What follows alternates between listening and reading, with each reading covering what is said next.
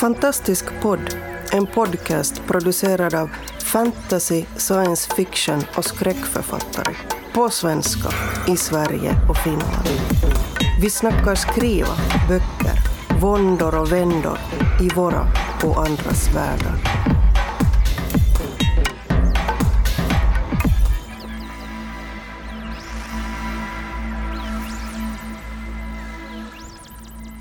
Hej allesammans och välkomna till Fantastisk podd. Idag är det Västkustgruppen som pratar och vi är fyra personer församlade i rummet. Till vänster om mig Susanna Björnberg. Susanna Nissinen. Marcus Olofsson. och jag Fredrik Persson. Eh, Och vi sitter inte egentligen på rad som ni kanske förstod utan vi sitter runt ett bord och har det jätte, jättemysigt. Eh, Vi funderar lite grann på vad är det man egentligen ska skriva? Eller får säga lite grann på temat Ska man skriva det man tror folk vill läsa eller ska man skriva det där man själv kom på? Eh, vad, vad säger du om det Susanna? Ja. eh, anledningen till det är att man överhuvudtaget ställer sig den frågan är ju ekonomi oftast. Eh, när folk börjar tvivla på det de skriver. Att, man, att skriva blir man sällan rik på. Det är man, många som har den missuppfattningen att man kan, man kan skriva en bok och så, så får man en massa pengar. Så är det väldigt, väldigt sällan. Eh, Så man måste ha ett brödjobb och så hoppas man kanske på att kunna skriva lite mer och inte behöva jobba så mycket. Och så tänker man att lösningen på det är att byta genre. Och det är ju många som gör, eh, eller försöker. försöker till exempel. Alltså det är ju, så det är väl roten till diskussionen egentligen. Hur har du tänkt på det där eh, Marcus? Ja, alltså när jag började skriva så hade jag ingen tanke på ekonomin faktiskt. Utan att det var ju berättelsen själv som ploppade upp. Ja, Och jag satte mig och började skriva. Och sen tog det över. ja, Så jag, eh, jag tror väl... Det är nog för olika för olika personer. Har man ett driv och vill tjäna pengar så kan man nog hitta rätt genre och skriva för det och bli bra på det liksom. Det, skrivande i sig är ju någonting man tränar fram. Så man kan nog bli bra på att skriva även om du inte brinner för genren. Men jag, jag tror innerst inne måste man nog ändå älska den genren man skriver i om det skulle bli riktigt bra. ja precis. Nu har jag tyvärr då blivit förälskad i en genre som inte är så lukrativ. Men jag tror inte jag skulle kunna sitta och skriva någonting utifrån att det här ska jag bli filthy rich på. Ja, men jag, jag hade ju turen att förälska mig i en genre som i alla fall för några år sedan var ganska stor. Eh, nämligen deckargenren. Men det har ju inte gått jättebra hittills. Eh, så då skrev jag faktiskt en eh, chick lit slash romance eh, föregångare med en av karaktärerna som dyker upp i serien. För jag tänker att det, det är ju så man, man får in folk på, på nya spår som de inte visste att de ville läsa. Eh, men den skrev jag bara ett råmanus på. Någon dag ska jag våga läsa igenom det. Och kanske använda det också. Fast det är ju en jätterolig idé tycker jag. Ja, det, det tycker jag med.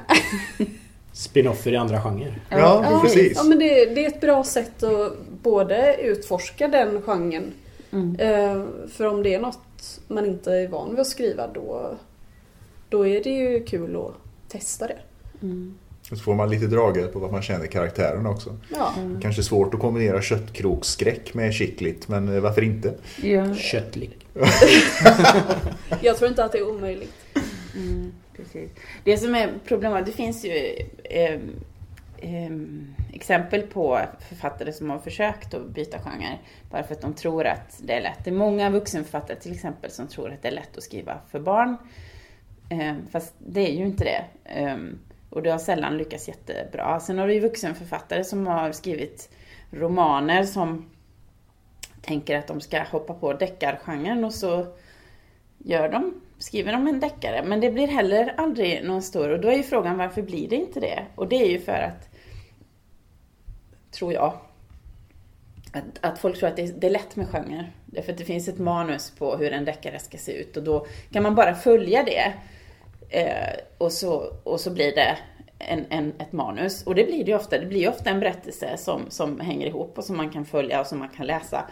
Men eh, en deckare är ju sällan bara en deckare. Den kan ha eh, andra alltså tematiska inslag som, som den vill ofta säga någonting, den vill visa någonting om våran samtid. Eller ha en, vara en kommentar på någonting. Det är ju, um, så det är inte bara en, liksom en genrestruktur man kan applicera på en berättelse utan att de som skriver deckare gör det ofta av en annan ett inre driv av att säga någonting annat. Och därför så, om man bara tror att man kan, man, nu kan vi ta den här rasten och lägga det över, över mm. berättelsen mm. så, så, så är det kirrat och det är ju inte, det är ju inte, så lätt är det inte. Så, varsågod Fredrik. Nej, jag bara tänkte när du sa det här med rastret att eh, jag läste Ursula Le Guin hade ju skrivit någon kommentar på, på eh, no någonting som som eh, senast Nobelprisvinnaren hade skrivit. Mm. Där han var orolig ja. att folk skulle tolka hans verk som fantasy. Precis. Eh, och då hade hon, Ursula Le Guin, då gått lös på det och skrivit något i stil med att det funkar liksom inte så i litteratur att man kan ta ytelementen ifrån Precis. en genre och applicera det eh, och därmed få det att, så att säga, bli något. Utan det handlar ju om liksom förståelsen för de där elementen. Mm. Eh, och det väl kanske det då som möjligen brister om man så att säga gör som du beskriver Precis. och tar deckarrastret och lägger på en story. Ja, men man kanske mm. inte riktigt förstår genren. Precis.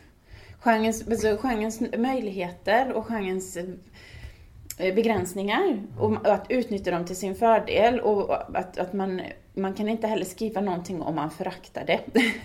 att om man inte, och det tror jag att hon också var inne på, att, att han, eh, nobelpristagaren, inte hade visat sin respekt för genren genom sin, det han, hur han pratade om det. Att, eh, och då om man inte verkligen man respekterar det man skriver så kommer det också märkas. Om man på något sätt ber om ursäkt för sin text inför läsaren så kommer det märkas på något sätt i... Ska man dra till med en liknelse så kanske det blir att du, du kan bygga ett hus som mm. till det yttre ser ut som ett hus men du har ingen förståelse för hur det sitter ihop internt och vad du mm. fyller huset med. Liksom. Precis. Mm. Jättebra. Få ett tomt skal som faller ihop som ett korthus om du vill ja, sälja. Precis. Men, men sen är det ju att man kan ju inte bortse ifrån att vissa, vissa genrer då säljer bättre. Och att, att en författare som vill skriva eh, hoppas på att kunna överföra sin talang för en genre till en annan och få mer pengar. Men, men eh, och man ska ju inte skratta åt den strävan. Man förstår ju den själv om man hellre skulle vilja sitta och skriva men, men det är ju inte så lätt som att bara byta kanske. Ja, jag tror det finns ju, har jag, eller jag upplever det så, att det finns ett visst förakt mot eh, de som vill skriva för att tjäna pengar. Mm. Men jag kan tycka att det är helt en rimlig drivkraft om man vill mm. skriva så mycket som möjligt att ja, men att tjäna pengar på ja. det man skriver. Precis. Det är ingen som föraktar eh, kassörskan på ICA eller kassören på ICA mm. för att den personen gör det jobbet för att tjäna pengar. Precis. Eh, det är så, inte så konstigt. Nej. Så det är jättekonstigt att det finns en, liksom en eh, det finns en helt annan ett regelverk för folk som skriver eller Men det, det handlar väl om att tjäna pengar på kultur överhuvudtaget ja. på något vis. Ja, det ska vara gratis i många ögon. Ja, precis. Så länge man, man... inte är filmskådespelare såklart. Ja, Nej, då får man gärna då får man tjäna pengar. ja, precis. Att, äh, men... Ähm... Men det är nog, jag vet inte, föraktet för att, liksom, för att, så att säga, skriva för att tjäna pengar. Jag, jag vet inte, jag kanske har fel, men jag får känslan av att det är mer när man så att säga just uttalat gör det för att tjäna mm. pengar. Men om man skriver en bra bok som råkar sälja vansinnigt bra mm då får jag inte känslan av att det föraktet finns nej, på samma nej, sätt. Nej, det är precis. väl ingen som, så vitt jag vet, föraktar till exempel J.K. Rowling bara för att hon har tjänat mängder av pengar på sina böcker. Nej, men jag tror att om, om man, om hon hade sagt så här, jag, jag vill skriva de här böckerna för att jag har inget jobb och jag har inga pengar. Eh, då tror jag att det hade varit annorlunda. Nu var det ju mm. mer en lycklig slump att det blev så stort. Mm. Ja. Ehm, men jag, jag kan störa mig lite på de, de som säljer mycket men ändå är så här. Ja, ah, nej, jag skriver bara för att jag vill berätta den här historien. Ja, det är ju kul för dig att du ja. har råd att göra det nu när mm. du kan sälja dina böcker så bra. Men vi som inte är där måste liksom Mm. få, ja, men få välja en eh, genre för att vi, eh, vi tror att man kan tjäna något på den. Mm. Ja, sen är det ju det här att, att, att eh, det är så himla få som överhuvudtaget kan försörja sig på det. Och att missförståendet kring hur mycket man tjänar för- för pengarna, det är... Alltså man får ju betalt i procent av upplagan så att eh, det är ju upplagestorleken som bestämmer hur mycket pengar man får. Och eh, för en barnbok som jag skrev, då får man... Eh, jag tror att sammanlagt när allting blev... Man la ihop allting så blev det 25-30 tusen för en bok. Och det är ju som en vanlig månadslön för någon som man har kämpat för i två år. Att det liksom är, man måste komma ihåg att det blir jätte, jättelite pengar. Du får liksom en, en 20 kronor per såld bok och så ska du skatta för det så du får en 10 per bok. De som eh, kommer ut i pocket, de har det ännu värre. De man tror att ja, men pocketen finns överallt. Ja, ja, men de får två spänn för varje. Så att det, det är liksom inte... Och när pocketen väl kommer ut så slutar hårdpärmen att sälja. Så att då, då, så att, för då köper ju folk pocketen istället, mycket billigare. Så att, ehm, att eh, för att någon överhuvudtaget ska kunna bli så stor att de kan, då måste de ha kommit ut med flera böcker så att royaltychecken som kommer är, är för flera böcker plus biblioteksutlån. Och sen är det utomlands, att när man faktiskt har sålt till Tyskland till exempel, det är ju den allra största som man vill ha, det är ju den, den engelska marknaden att man kommer ut där därför att det är den största. Då är upplagan automatiskt väldigt stor därför att det är ett stort, stort språkområde. Nästa efter det är Tyskland. Och då kan man börja få lite mer pengar. Men det är också bara för den boken. Du får ju, när den boken sen är slutsåld eller inte säljs mer eller inte trycks mer, om inte den blev en klassiker så, så du får ju skriva en till då.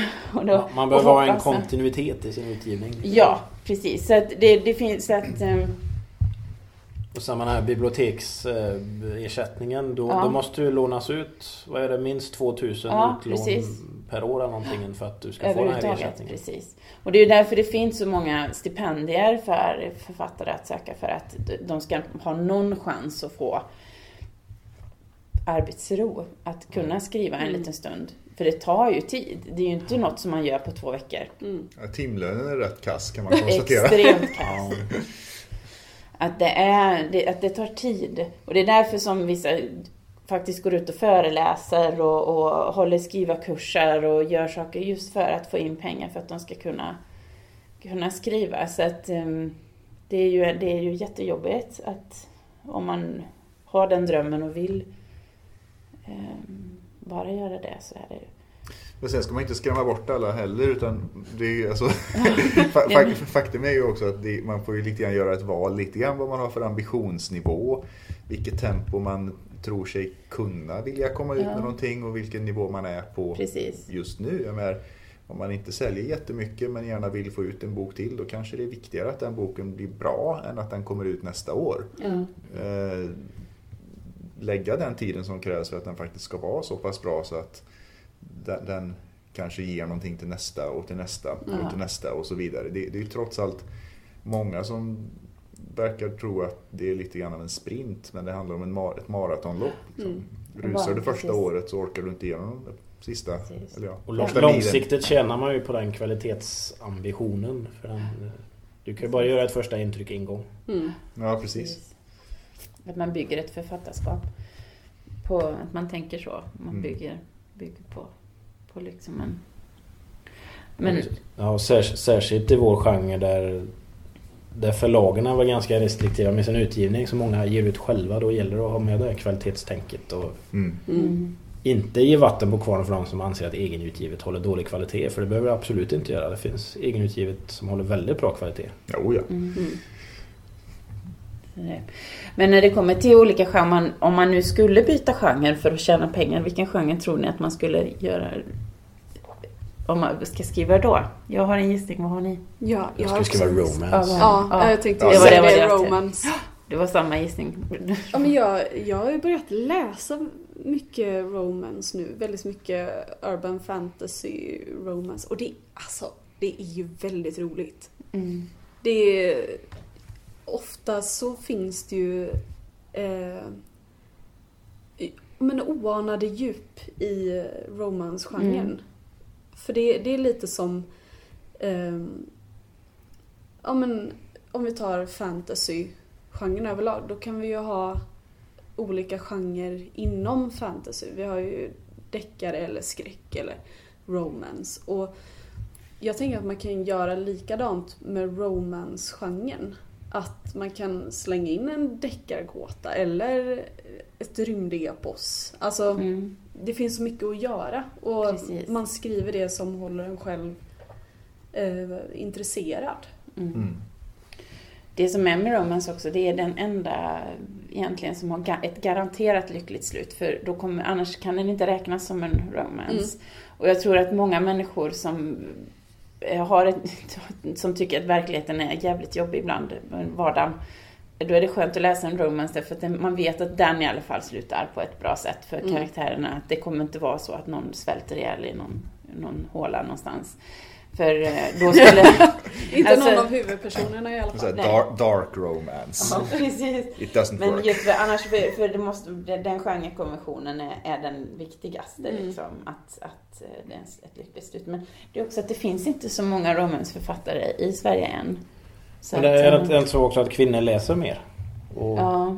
kanske även unga kvinnor. Jag vet inte, jag har inte riktigt koll på det men Mm. Men jag då kan det vara att- bra att nischa sig mot dem. Om man... Nej men jag tror att romance, precis som ja, men alla genrer, jag tror att det är fler som läser än man tror. Mm. Eh, så jag tror att även om majoriteten som läser just romance är kvinnor så Mm. tror jag att det är väldigt många snubbar också. Ja, precis.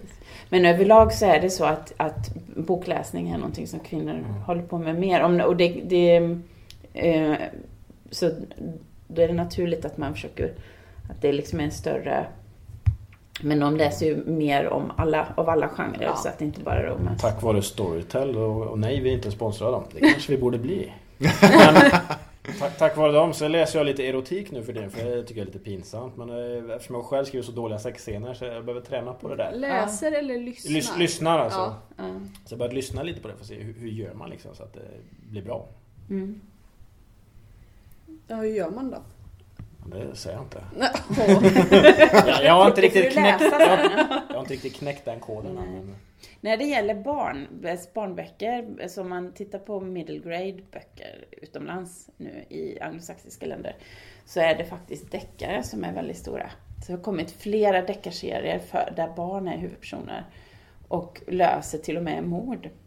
Okej. Ja, Ja men det gjorde ju Kalle Blomqvist Ja. redan. Oh ja. precis. Han löste, han löste Ja. mord. Men efter rövarskap. Ja, precis. Men, men eh, det är ganska, så, då, de är ganska tjocka de här böckerna och det kommer flera serier, många serier som har blivit, bland annat en som heter Wells and Wong har blivit jättestor. Ehm, så det, men det finns ingenting i Sverige än, så, så, och det tror jag faktiskt, eh, bara, jag bara väntar på den första som ska komma Det är nu. Lasse-Maja. Ja, precis. Men den är, den är ju för, för Ja. enkel egentligen. Alltså den är ju för yngre läsare och den är... Eh, och det är ju också att i Sverige så har vi väldigt stor utgivning av lättlästa böcker. Men om man jämför med böcker för samma ålder utomlands så är de mycket tjockare, mycket mer avancerade. Så att, Vilken, vilken ålder? Är det 9 till 12? 9 till 12. Ja. Är, det, är det så att vi inte riktigt litar på att barnen klarar av det här? Ja, jag, jag, vet, jag vet faktiskt inte vad, vad det beror Vi på med lättläsning. lite väl Ja. mycket. Det kan, Jag vet inte, en sån här observation som jag själv har gjort rätt mycket, och rätt eller fel, det är det att överhuvudtaget så är inte svenska språket byggt för att uttrycka sig i långa blomstrande meningar på det sättet. Mm. Men däremot när man tittar på, på engelska så det är väldigt mycket mer så att säga ren ordmatta om ni förstår vad jag menar. Mm. Men engelskan är faktiskt, nu vet ju jag som jobbar med som Ja. språklärare nu. Ja, Engelskan är det språket som har flest ord. ja. Men det är ju för att de tar in ord från, de är väldigt benägna att ta in ord från andra. Men det är ju liksom, det är en intressant anakronism i det där och det är det att när man läser översatta engelska böcker så, så tycker jag att det blir nästan ibland lite pinsamt för det är så väldigt mycket beskrivande adjektiv och grejer som är Ja. inslängt Mm. som låter fullständigt naturligt om man läser på engelska men som känns väldigt malplacerande om man läser en svensk. Och, och det, det, kan spegla sig i mycket. Det speglar sig i avtal som jag håller på med på jobbet till exempel. Att ett svenskt avtal är oftast en fjärdedel så långt som ett engelskt avtal. Men de säger i princip samma sak. Det är bara att engelsmännen envisas med att räkna upp 14 synonymer för samma sak. Eh, när man på svenskan då kan säga en. Och så räcker det. Liksom. Precis. Och det är klart, det kan ju också spegla sig i, i så att säga, ren volym då ja, i en bok. Det, det blir långt. Och sen läser vi, och så är vi mycket influerade av engelskan och utlandet, både via film och via litteratur och annat. Mm. Så då förväntar man sig att böckerna ska vara rätt tjocka. Mm. Fast är det egentligen nödvändigt alla gånger, tänker jag? Det, det tycker jag är väldigt intressant rent, eller när man skriver rent storleksmässigt. Hur mycket blir det här som jag har i A4 på Word i boksidor. Mm. Ja. Det är nu ni ska ge mig ett svar. På hur mycket det finns ju tabeller du kan ja, mata precis. in dina siffror i. Ja, det finns det. Och på Scrivener kan den tala om printed pages tror jag. Eller inte ja, det är print, ja, eller, Den är väl som standard print page paperback tror jag. Ja, någonting sånt. sånt där. Ja, och det är också lite så här, jag, jag jag vet inte, alla frågar mig hur tjocka de grejerna jag håller på med. Jag har faktiskt slutat. Jag, jag bryr mig inte om det så mycket. Jag bestämmer mig för ungefär hur många ord tror jag att det ska bli och så får det räcka med det. För det beror på så väldigt mycket. Mm. Precis. Men sen är det ju eh, bilderböcker till exempel ska ju bara vara ett visst antal sidor. Så att om ni tänker på det så är alla bilderböcker lika långa i antal. Och det handlar ju om... Eh, det ska få plats på... Ja, precis. De här eh pappret viks ju på något sätt. Mm. I, ja, ja. Så att det liksom är... Um, och jag tror att engelska amerikanska middle grade böcker, 9-12, de får vara max 60 000 ord. Men Harry Potter-böckerna håller sig ju inte där. Och de, men eh, när de tar inte in längre böcker. Eller de vill att man ska hålla sig mm. ungefär mm. där och så. Så det är ju lite olika. Men eh, i, i, i Sverige så tror jag inte de har jätte alltså någon bestämd mer än när det kommer till bilderböcker. Med, och då är det antal sidor istället mm. upp, som, som mm. det handlar om. Mm. Som illustratör ska man kanske ha bra koll på det. Ja, men när man gör bilderböcker så, så ska man ju göra en dummy först. Så man ritar, gör den som, en, som ett prov. Så man tänker sig den bilden, biten med text ska vara där. Och så, man, som att man ritar, man gör en skiss på det kan du googla. Du har så höga tankar om mig Susanne. jag tror att det är, ja, det finns någon artikel som Pia Lindebaum har där hon har visat hur man gör. Men mm. man, man försöker göra liksom en skiss på vad, och, och om man deltar i någon sån här bilderbokstävling så ska, det, ja. ska man ha någon ungefär. Så att man, jag har faktiskt en eh, illustrerad, en sån, inte bilderbok men barnbok. Ja. Typ Pettersson och Findus-styck mm. i, i byrålådan. Ja. Någon, någon, gång kanske jag tar tag i det. Precis. Mm. Ta med den nästa gång så kan vi gå. Ja, jag, jag, har inte, jag har bara grovskissat. Liksom, ja. Men äh, jag ska se om jag hittar något. Kan jag skicka några ja. länkar till dig. jag har letat. Vi kan lägga upp den länken på hemsidan. Ja, precis. Mm. Men, får, äh, men äh, är det där man tjänar pengar? Nej. Nej. Fast det finns ju många barn Mm. Ja, det gör det. Men sen är det ju sådana här grejer som till exempel, jag tror att det var om, om en bok hamnar i något sånt här erbjudande, inte på, på någon hamburgerkedja eller via någon affär eller något sånt där man får med sig en bildbok, då kan det vara väldigt dåliga villkor för de böckerna också. Mm.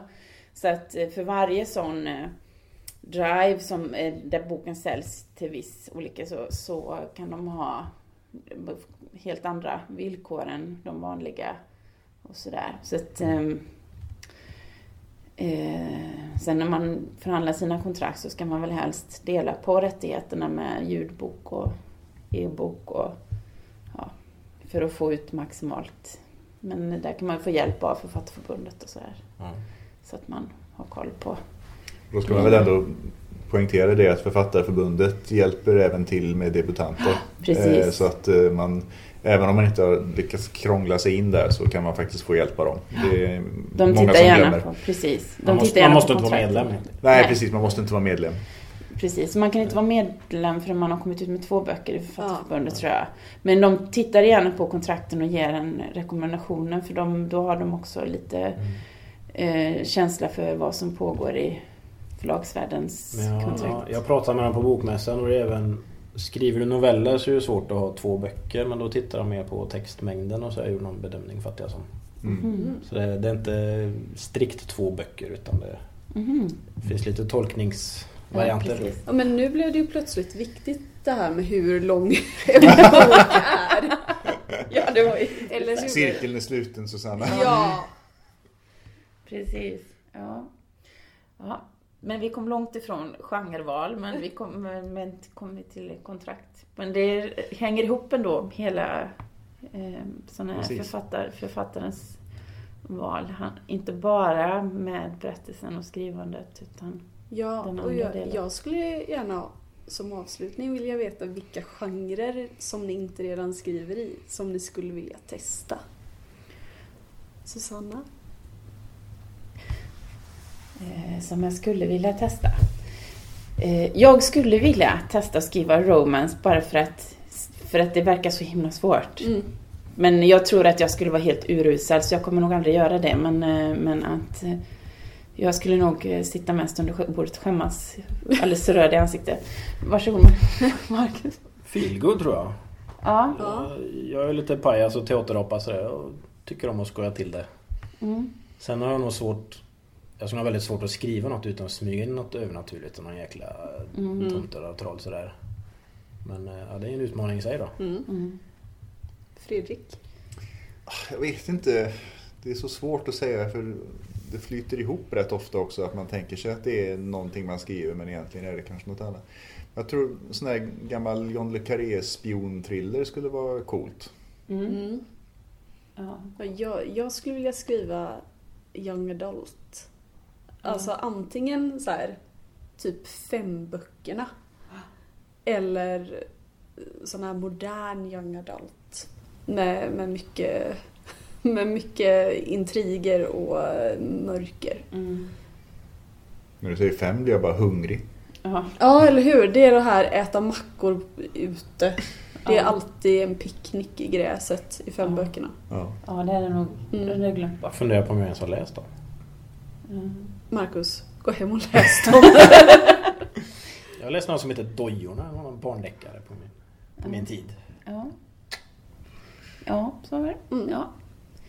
Weird West kanske man skulle skriva. ja, Och med de orden så avslutar vi. så tackar vi för oss för denna gång. Ja. Du har lyssnat på Fantastisk podd. Om du trivdes i vårt fantastiska poddsällskap och vill ha mer så hittar du äldre poddar och information om oss som deltar på vår hemsida under fantastiskpodd.se och på vår Facebook-sida Fantastisk podd.